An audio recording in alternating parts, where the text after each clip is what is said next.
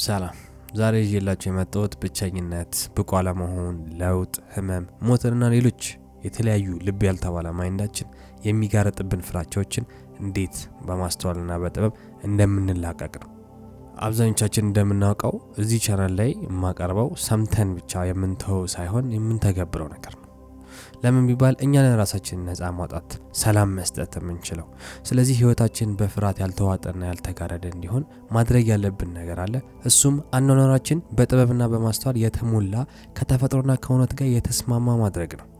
ስለዚህ አሁን አዘጋጅቼ የማቀርብላችሁ ፍራቻችንን እንዲቀንስ የሚያግዘን ስለሆነ እንድትከታተሉኝ እጋብዛችኋለሁ። መጀመሪያ ፍራቻ ቅጡን እየቀያየረ ነው ሙድ የሚይዝብን በጥሞናና በጥልቀት ካየ ነው መፍትሄ ማግኘት እንደምንችል ለማሳየት እሞክራለሁ።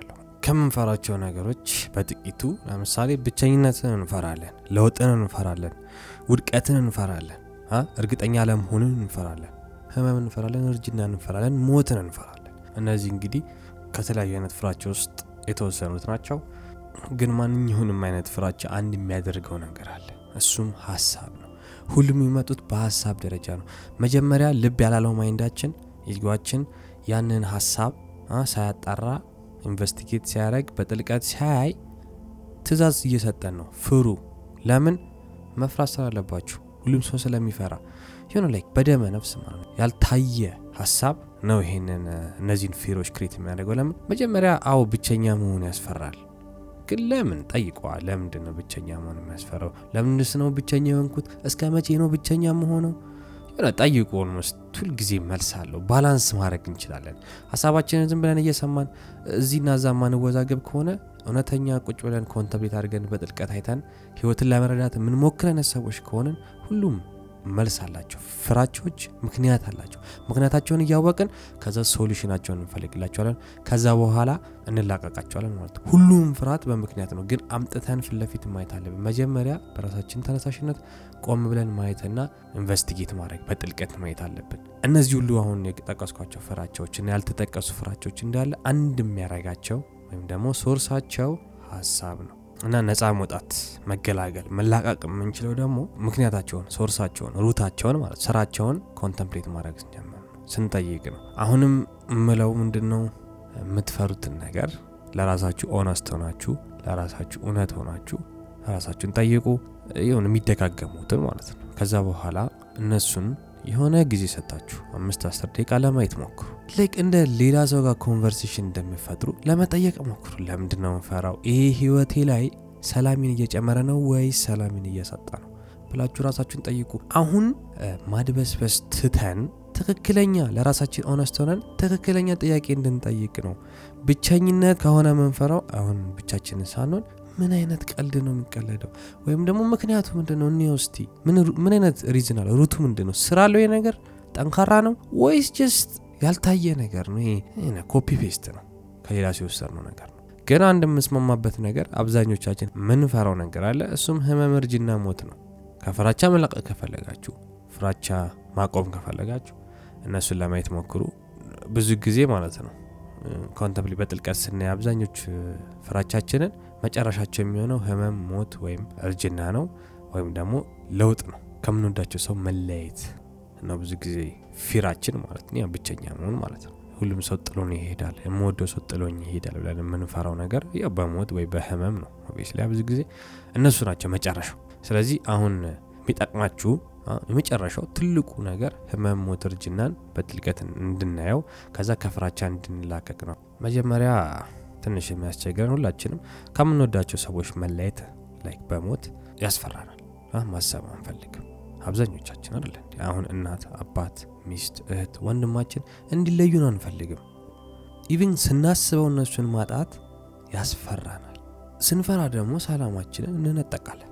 ስለዚህ እንዴት ነው ይሄንን በስነ ስርዓት ማየት ያለብን ብለን ራሳችን መጠየቅ አለብን።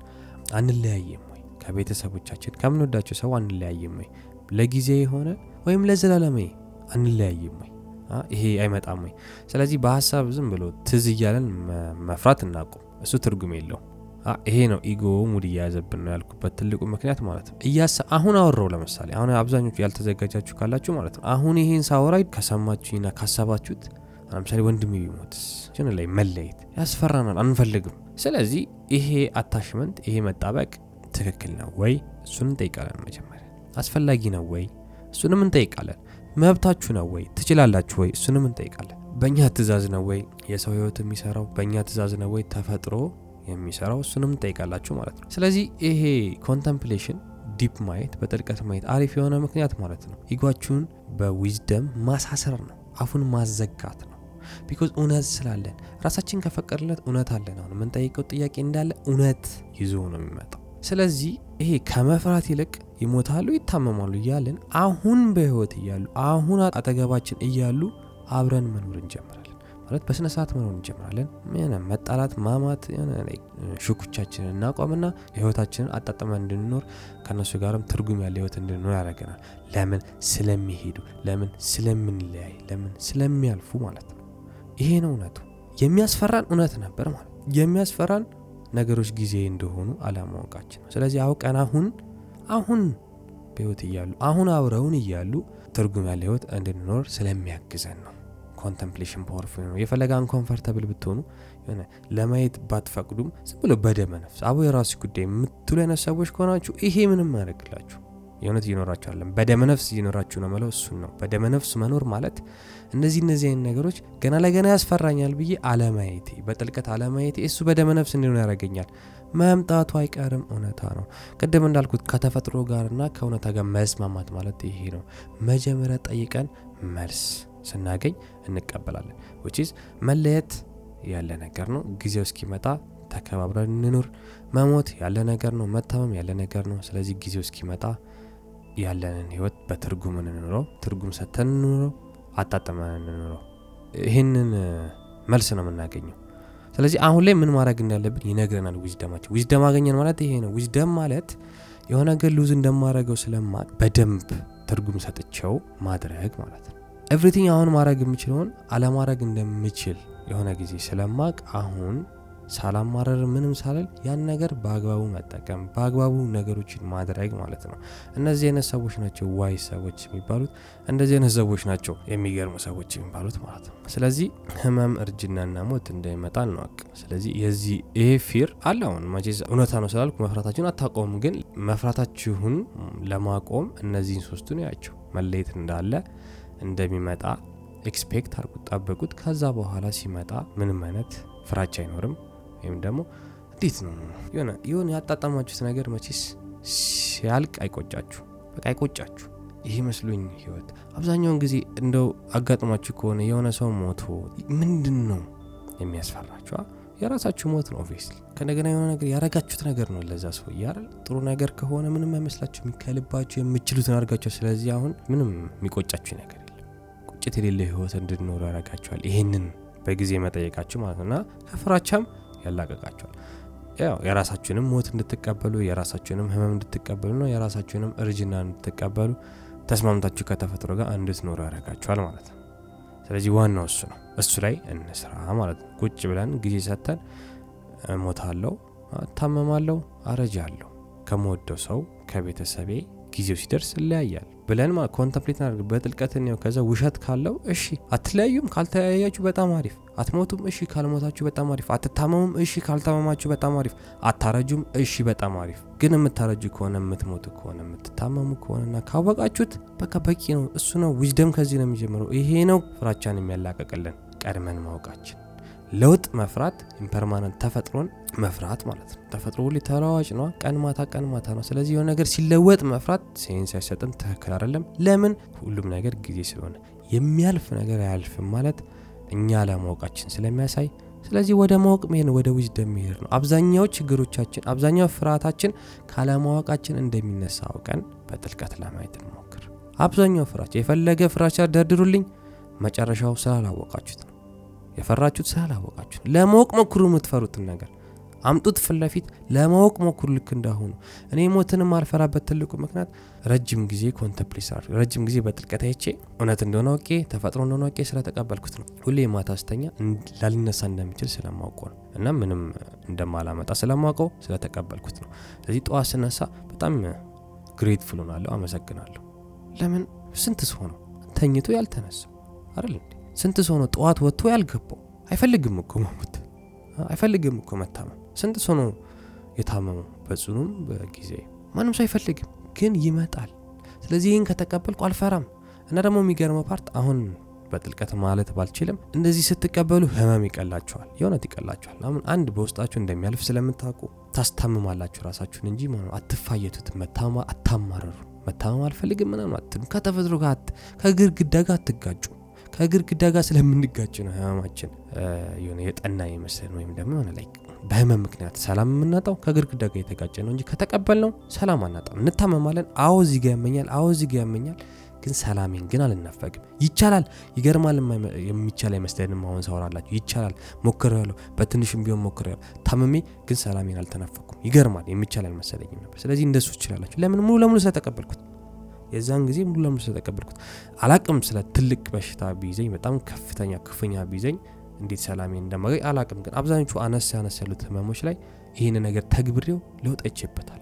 ተቀብየው ማለት ነው። እስኪያልፍ በትዕግስት ጠብቄው ከዛ አለፈ ህመሙ። ከዛ በቃ አይገርምም። ስለዚህ ሞትንም በዛው ልክ የጠበቅኩት ነው። ያው ሁላችን የምንሞተው አንዴ ስለሆነ እንግዲህ ስለ እሱ ምንም ማውራት አልችልም። ግን እንደዚህ አይነት understanding ይኑረን፣ እንደዚህ አይነት አረዳድ ይኑረን። እንደዚህ አይነት አረዳድ ካለን አብዛኛው fear ኣችን ሞትን፣ ህመምን፣ እርጅናን፣ መለያየትን፣ ለውጥን ታኮ ስለሆነ የመጣው ለቀውን ይሄዳሉ ማለት ነው። ስለዚህ በጥልቀት መታየት ያለበት ፍርሃት ለዚህ ነው። ካየነው እውነቱን እናውቃለን።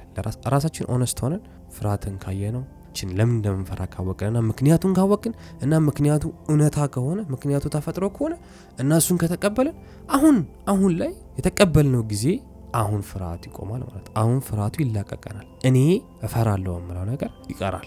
ፍራቻ ይመጣል፣ ፍራቻ ይሄዳል። እንደ ማንኛውም ነገር ንዴት ይመጣል፣ ንዴት ይሄዳል። አይደል እንዴ? ከእኛ ጋር የሚያገናኘው ነገር ፍራቻ በሀሳብ መልክ ይመጣል፣ ከዛ ፍራቻ ይሄዳል። ከእኔ ጋር የሚያገናኘው ነገር የለም። እኔ እፈራለሁ ሲሆን ፍራቻ መጣ፣ ፍራቻ ሄደ። እውነት እኔ ላይ ስላየሁት ነው። እየመጣ ነው የሚሄደው። impermanent ነው፣ መቆየት አይችልም። ለምንድን ነው የሚቆየ መሰለን? ተጣብቀንበት ነው በ ego ኣችን ማለት ነው። ና ብለን ነው እኔ እፈራለሁ። የዛሬ 20 ዓመት የዛሬ 10 ዓመት ህፃን እያለን የምንፈራውን ነገር አሁንም እንፈራለን ብለን ማመናችን ያስቃል። permanent አድርገው ነው ቋሚ አድርገው ነው፣ ግን አይደለም። የዛኔ maybe ምንም ስለማናቅ ነው። አሁንስ አሁን ምንም አናቅም። obviously ስላላየነው ነው፣ ለማወቅ ስላልጣረን ነው። ያወቅነው ጊዜ ግን በፊት የፈራናቸው ነገሮች ያለ አሁን አንፈራም። everything አሁን የምፈሩትም በዛ ልክ ቆም ብላችሁ ብታዩት፣ investigate ብታረጉ አብዛኛው እውነት ነው የሚያስፈራን እውነት truth ተደባብሶ በ ego ኣችን ስለዚህ የተቀበልነው ጊዜ ፍራቻ ይቀር። አብዛኛው ብቸኝነት ተቀበሉት። ብቻችሁን የተወለዳችሁት ብቻችሁን ዓመት ሞት ተቀበሉት። እስቲ ለዘላለም ስላልሆነ ለዘላለም አይደለም። ኧረ በእናትህ ለዘላለም ጊዜ ነው። ምን ችግር አለው? አንድ ወድ ብቸኛ ብትሆኑ ችግር የለውም። ተቀበሉት፣ ስለሚያልፍ ተቀበሉት። everything ከዛ በኋላ ፍራቻው ጥሏችሁ ይሄዳል፣ ይላቀቃችኋል። ስለዚህ ትልቁ መፍትሄ የፍርሃትን መንስኤ ከስር መሰረቱ በ contemplation በጥልቀት አይቶ ነቅሎ መጣል እውነት ከሆነ መቀበል silly ነገር ከሆነ የማይረባ ነገር ከሆነ like stupid ነገር ከሆነ በሀሳብ ደረጃ ዝም ብሎ ያልሆነ ነገር ከሆነ የሚያስፈራን መልቀቅ እሱንም ያልሆነ ነገር እንደሆነ አወቅን። አሁን ልክ ያወቅነው ጊዜ እንተዋለን። ከዚህ በኋላ አያስፈራኝም። ለምሳሌ ድራገን የሚፈራ ሰው ይኖራል። ድራገን ማለት ነው ፊልም ላይ ነው ድራገን እሳት የሚተፋው ፍሩ የሌለ ነገር እኮ የሌለ ነገር እንደዛ እንዳይሆንባቸው አብዛኛው ፊራችን እንደዛ ነው። ስለዚህ እንደዚህ ነጥሉታ ነጣጥላችሁ አውጡት። እንደዚህ ቺሊ ነገር ልታገኙ ትችላላችሁ። ስለዚህ አብዛኛው ሙድ ሲዝብን የነበረው ህይወታችን ሲያመሰቃቅለው ይሆናል ህይወታችን እንዳይረጋጋ ሲያደረግ የነበረው ፍርሃታችን እንዳለ አብዛኛው ሲሊ እንደሆነ አብዛኛው እውነትን አልቀበልም ማለታችን እንደሆነ ስናቅ የዛን ጊዜ ከነዛ ሁሉ ከዘረዘርኳቸው ፍራቻዎች መላቀቅ እንጀምራለን። የፈለገ ይሄማ የተለየ ነው ይሄማ ይለያል ምናምን ብንልም አይደሉም አይደሉም ይመስለናል እንጂ ሁሉንም ፍራቻ በአንድ አይን ማየት እንጀምራለን። በ impermanent አይን፣ በተፈጥሮ አይን ማለት ነው። ከተፈጥሮ ጋር የሚቃረን ከሆነ sense አይሰጥም፣ እንተዋለን። ውሸት ከሆነ ሀሳባችን create ያደረገው ከሆነ imagination ከሆነ ደግሞ አሁን ስላወቅን እንተዋለን። ለምንድን ነው እስካሁን ያልተውነው? ለምንድን ነው እስካሁን መፍራት ያልተውነው? ስላላወቅ ነው፣ ጊዜ ሰተን ስላላየ ነው። ስለዚህ በተቻለን መጠን ጊዜ ሰተን እንየው። contemplation ነገሮችን በጥልቀት ማየትን የመሰለ ትልቅ ነፃ የሚያወጣን ነገር ስለሌለ በጥልቀት አይተን ነፃ ስንወጣ ፍራቻችን እንደምንላቀቅ እንወቅ። Thank you for listening. Love and respect. Peace.